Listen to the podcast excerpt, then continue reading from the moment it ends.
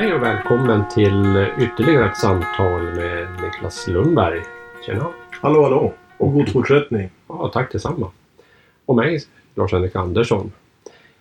Ja, nu är det 2019 skriver vi och vi lägger 2018 bakom oss. Jajamän. Eh, får ju inte jaktåret, det är sista juni men om man sammanfattar 2018 jaktligt, hur skulle du sammanfatta ditt jaktår? Så, så här långt så har vi åtminstone i norra Sverige, framförallt kanske Norrbotten, har vi upplevt ett fantastiskt skogsfågelår. Det har varit bra med skogsfågel, åtminstone i det vi kallar för inlandet och ner mot kusten. Eh, De absolut mest fjällnära markerna har vi kanske inte upplevt den stora mängden fågel som vi har haft på övriga delar av länet. Men jag tror överlag, hela norra Sverige har haft bra med skogsfågel. Jag hör också rapporter ner från södra Norrland att de har haft väldigt, väldigt bra med skogsfågel. Övrigt småvilt, hare och Ja, det, det finns definitivt hare. Nu har jag inte jagat särskilt mycket hare, men jag hör också att det har... Rapporterna är goda, om vi säger så. Och vi i senaste numret av Svenska Jakt gjorde ett reportage om just den här fantastiska fågel, fågelåret Mm, och toppjakten. Och det är skörde, skördeår och min kollega Bernt Karlsson skriver i sista sidan där i sin krönika om det fantastiska fågelåret 74 och, och just de här Ja. eh, variationerna som är i, i när det gäller skogsfågel. Där upp och upp och ner. Upp och ner, ja. Precis. Eh, men då är liksom frågan, ett sånt här kronår som det är då, kan man skjuta så att säga, alltså hur, hur mycket kan man påverka vid någonting? Alltså, du nämner, du nämner här eh, Bernt Karlsson som är en, en eh, skribent som har skrivit väldigt mycket om jakt genom historien här. Både var aktiv på konkurrenter men också på framförallt då på svensk jakt. Och han brukar många gånger avsluta sina det var kåserier eller kan det vara det? Han skrev alltid samla agn. Det brukar han många gånger använda det uttrycket. Och det finns ingenting som är så passande som ett sånt här ord och vi har väldigt gott om vilt i markerna. Samla agn. Alltså gå ut och skörda av det överskott som vi har. När det gäller småviltet, exempelvis skogsfågel och det är ripor och harar och så vidare, sjöfågel. De kan vi skörda ganska hårt när de år då det är gott om fågel. Och det här är en självreglerande effekt. Eh, vi kan jaga vi kan jaga med ett högt jakttryck men om det inte finns något vilt i marken så kommer det inte heller ge någon effekt. Vi kommer skjuta en och annan, en och annat vilt. Jajamän. Men det kommer inte påverka i det stora hela. Den individ vi har skjutit, den är ju förvisso död. Den är ju påverkad och den är borta från, från biotopen. Men i det stora hela, när vi tittar till populationerna, så har det förvånansvärt liten inverkan eller påverkan vårt mänskliga jaktliga uttag utav småviltstammarna. Men en, en död höna värper inga ägg. Det har varit lite sådär att bland skogsfågeljägare att vara försiktig med hönor, att kanske inte Ja, skjuta gamhönorna men, men men ett sånt här år kan man även skjuta hönor. det är inga problem. Man kan definitivt skjuta hönor. Det har visat sig mer om åren. Jag tycker vi har den empiriska verkligheten och erfarenheten så vi kan fastslå en gång för alla att det har ingen större effekt. Jaga och, och skjut vilt och, och uppskatta det fantastiska eh, upplevelser man har haft och det fantastiska kött man får på bordet. Vi påverkar inte stammar i den bemärkelsen att, att det, är det är vi som ligger bakom en krasch av exempelvis eh, skogsfågel eller sjöfågel eller hararna eller vad det nu kan vara. Det blir en helt annan diskussion när vi kommer in till större hjortdjur. De måste vi förvalta på ett helt annat sätt. Men när det gäller våra småviltsarter som skogsfågel exempelvis och harar, då, då, är det, då är det inte riktigt vi som är, är, är och skruvar i systemet utan det finns andra faktorer som påverkar populationens storlek och populationens framgång med föryngring och så vidare. Finns det någon, jag vet jag diskuterade en gång på just det här att ett hårt jakttryck på framförallt småvilt eh, kan det innebära att, att eh, du får mer småvilt? Alltså att, att ett högt jakttryck på något sätt triggar eh, vad ska man säga, att, eh, att du får mer yngre, yngre djur. Så att det triggar, eh, vad ska man säga, fertilitet. Mm, jag förstår vad du menar. Jo, alltså det, det, det, den teorin eller den tanken, den, den vet vi att den existerar hos vissa arter. Det den art jag kommer att tänka osökt på när du nämner just det här fenomenet. Det men det är en art som inte ens har i, har i Europa, men det är den amerikanska coyoten, alltså prärievargen. Ju hårdare du jagar den, ju, ju, ju större kullar får den. Okej. Det är ett sånt fascinerande fenomen som dyker upp. Då. Jag kan tänka mig att vi, har, vi kan ha, hitta samma mekanismer hos, hos, hos vårt vilt. Men jag kan inte precisera det här och nu just någon i alla fall. Jag vet inte, känner du till någon sån där art som funkar på det sättet? Det blir alltså, väldigt amatörmässigt så har jag tagit ur luften. Så det jag tänker på det är skogsharen Mm. som jag jagade Mm. ganska flitigt på 80-90-talet. Och då när jag började jaga eh, på 80-talet där, då var det, jag räknade ut någon gång, vi hade väl på ett område, det var tiotalet stövarjägare Mm. som jagade stövare. Mm. Och säg att de sköt 5 till 10 harar per, Mm. per jägare. Så det var kanske någonstans kring 150-200 harar fällda på det här Mm. området. Och idag är det liksom bara en bråkdel som... Ja, precis.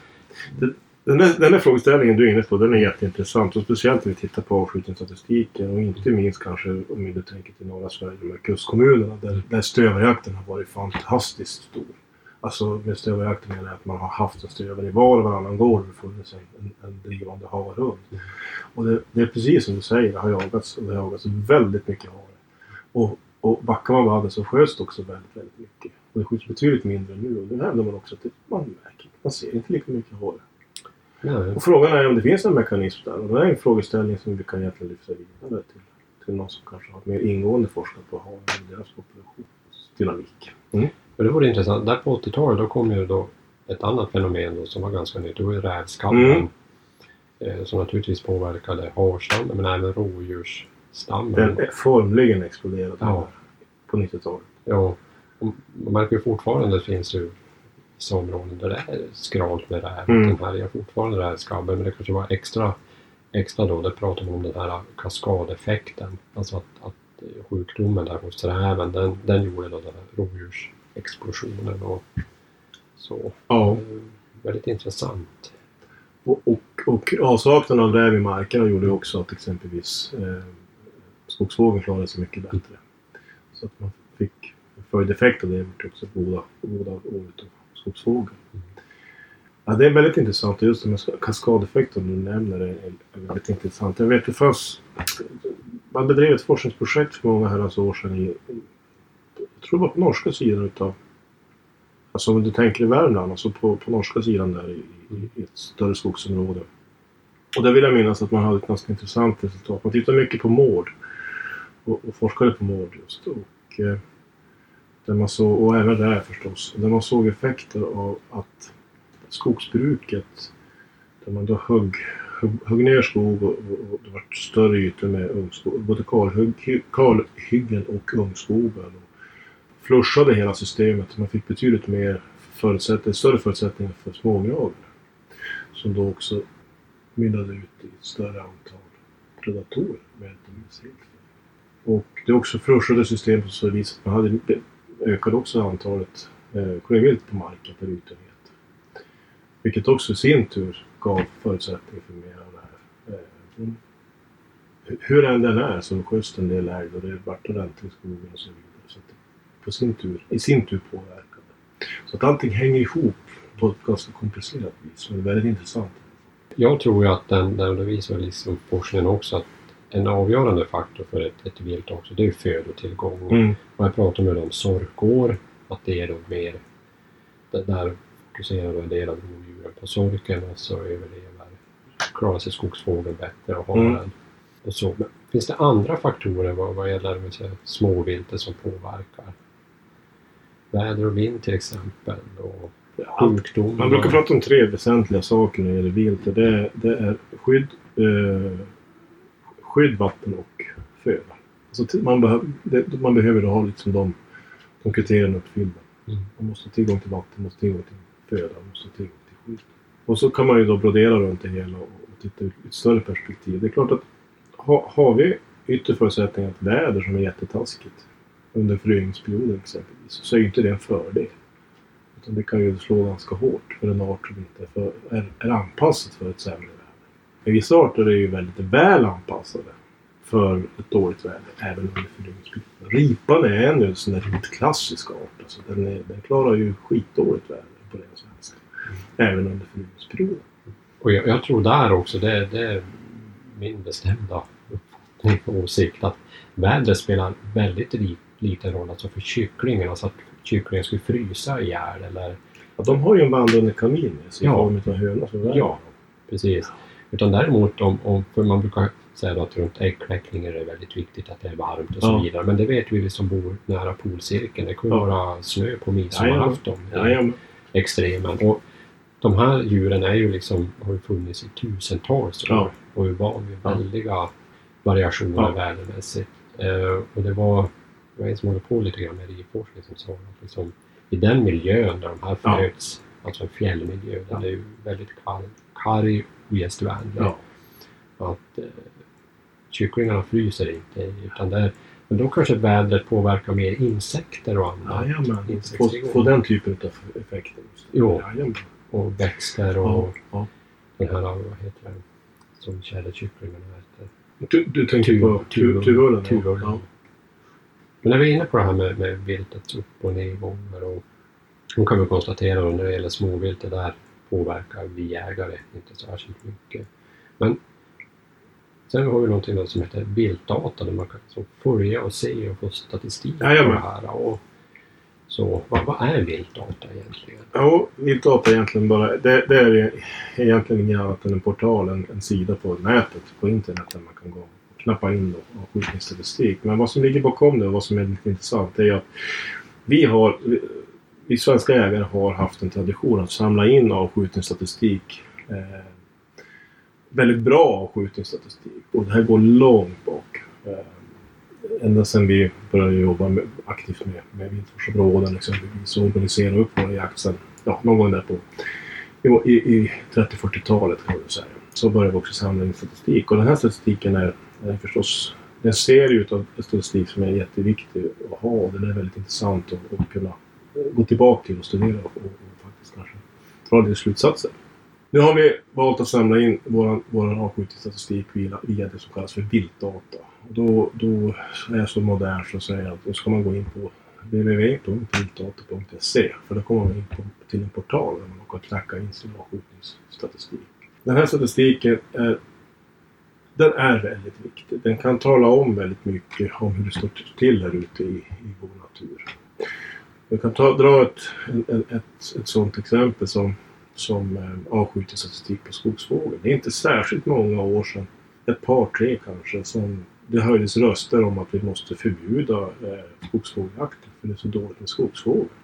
Okej, det kanske var dåligt med skogsfågel på vissa områden, men går vi in och tittar i avskjutningsstatistiken, både för fjolåret och den avskjutningsstatistik som förmodligen kommer att bli i år, så kommer vi att få en helt annan bild av verkligheten än det som rösterna höjdes för några år sedan. Och därför är det jätteviktigt att vi som jägare faktiskt bokför och skriver in vad är det vi vi skjuter. Och det är också ett krav som vi har på oss ur ett internationellt perspektiv. Ska vi motivera vår jakt så ska vi också kunna tala om ungefär i stora drag hur mycket vilt vi har och hur mycket vi tar ut utav det.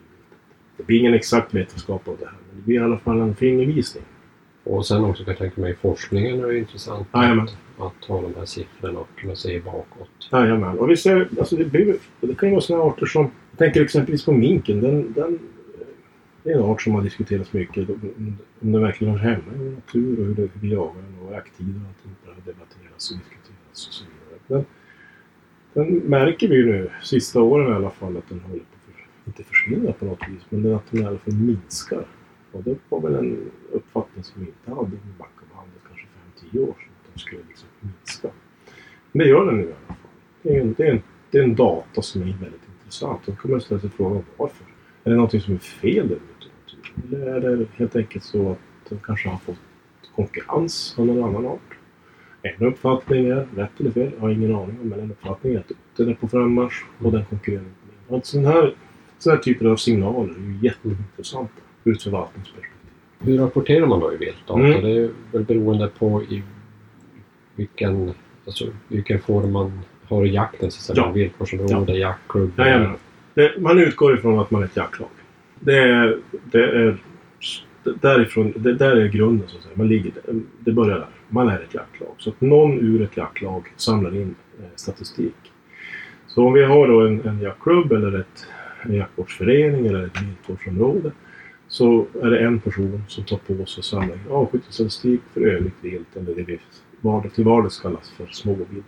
Och så när det väl är gjort så, så går man in på den här sidan, registrerar sig och sen så knackar man in då den här avskjutningsstatistiken. Och ingenting presenteras ner till jaktlagsnivå utan man, man kan få tillbaka feedback. Man kan alltså se de här resultaten men inte på jaktlagsnivå. Utan man, man, man lyfts upp ett par, par snäpp i alla fall. Så man ska inte kunna lista ut vad grannmarken har.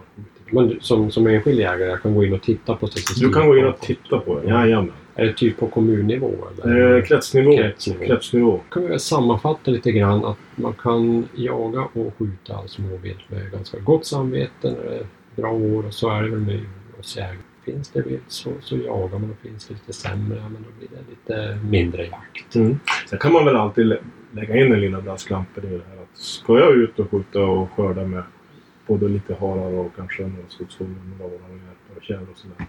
Så kan jag väl också försöka ta knipa någon liten mål och kanske locka någon liten räv också. Mm. Så att man plockar i den änden. För det är de små predatorerna som styr i mångt och mycket hur mycket viltet vi ska ha i marken. Så eh, släpp inte trycket på, på eh, eh, de små predatorerna. Bra, och så rapporterar vi viltdata. Mm, det är bra. Då eh, tackar vi för den här gången och så ser vi fram emot ett fint 2019. Jajamän. Nu skulle vi ta och börja packa för lite toppjakt. Låter bra. Mm. Tack!